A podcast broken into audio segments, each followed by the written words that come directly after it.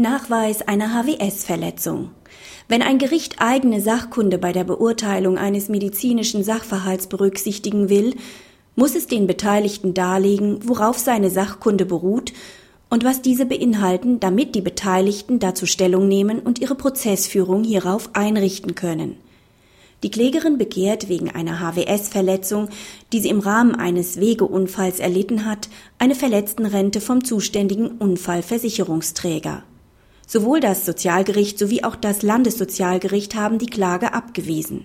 Auf die Revision der Klägerin hebt das Bundessozialgericht das Urteil auf und verweist die Angelegenheit zur weiteren Sachaufklärung an das Landessozialgericht zurück.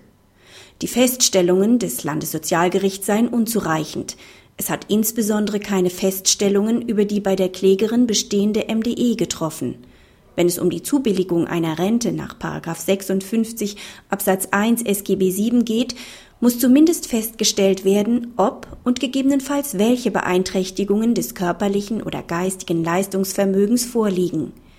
Auf diese Feststellung kann nur verzichtet werden, wenn der Ursachenzusammenhang zwischen dem Unfallereignis und einer vorliegenden MDE sicher auszuschließen ist. Derartige Feststellungen hat das Landessozialgericht jedoch nicht getroffen.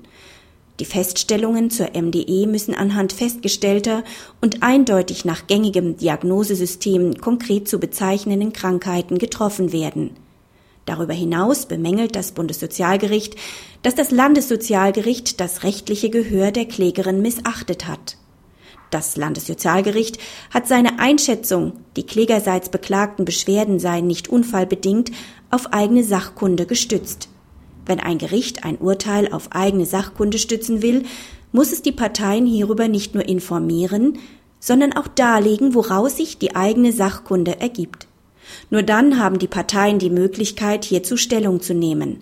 Darüber hinaus weist das Bundessozialgericht auch darauf hin, dass die Frage, ob ein Ursachenzusammenhang zwischen dem streitgegenständlichen Unfall und der Erkrankung vorliegt, unter Zuhilfenahme medizinischer, naturwissenschaftlicher und technischer Sachkunde nach den im Entscheidungszeitpunkt bestehenden aktuellen wissenschaftlichen Erkenntnisstand zu beantworten ist.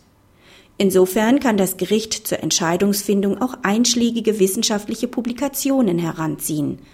Diese werden jedoch regelmäßig nicht der Beurteilung des Ursachenzusammenhangs durch das Gericht selbst dienen, sondern lediglich der kritischen Überprüfung eingeholter Gutachten darauf hin, ob sie dem aktuellen Stand der medizinischen Wissenschaft entsprechen. Praxishinweis das Urteil ist in zweierlei Hinsicht interessant. Zum einen verweist das Bundessozialgericht darauf, dass eine MDE nur anhand von gängigen Diagnosesystemen zu bezeichnenden Krankheiten festgestellt werden könne. Auch in Zivilverfahren erlebt man immer wieder, dass Diagnosen gestellt werden, ohne dass diese beispielsweise auf die ICD-10 zurückgeführt werden. Die genaue Diagnose ist jedoch insbesondere für die Einschätzung des normalen Verlaufs einer Krankheit sowie die Heilungsmöglichkeiten von Bedeutung. Daher sollte gerade auch bei Schmerzensgeldklagen darauf geachtet werden, dass man es mit genauen Diagnosestellungen zu tun hat. Die Ausführungen des Bundessozialgerichts zur eigenen Sachkunde der Richter sind über das Sozialgerichtsverfahren hinaus von erheblicher Bedeutung. Auch in Zivilverfahren kommt es immer wieder vor, dass Richter aufgrund eigener Sachkunde meinen, sie könnten komplizierte medizinische als auch technische Fragen entscheiden. Dabei wird insbesondere bei medizinischen Fragen übersehen, dass dem Richter regelmäßig die forensische Erfahrung fehlt, um komplexe medizinische Fragen beurteilen zu können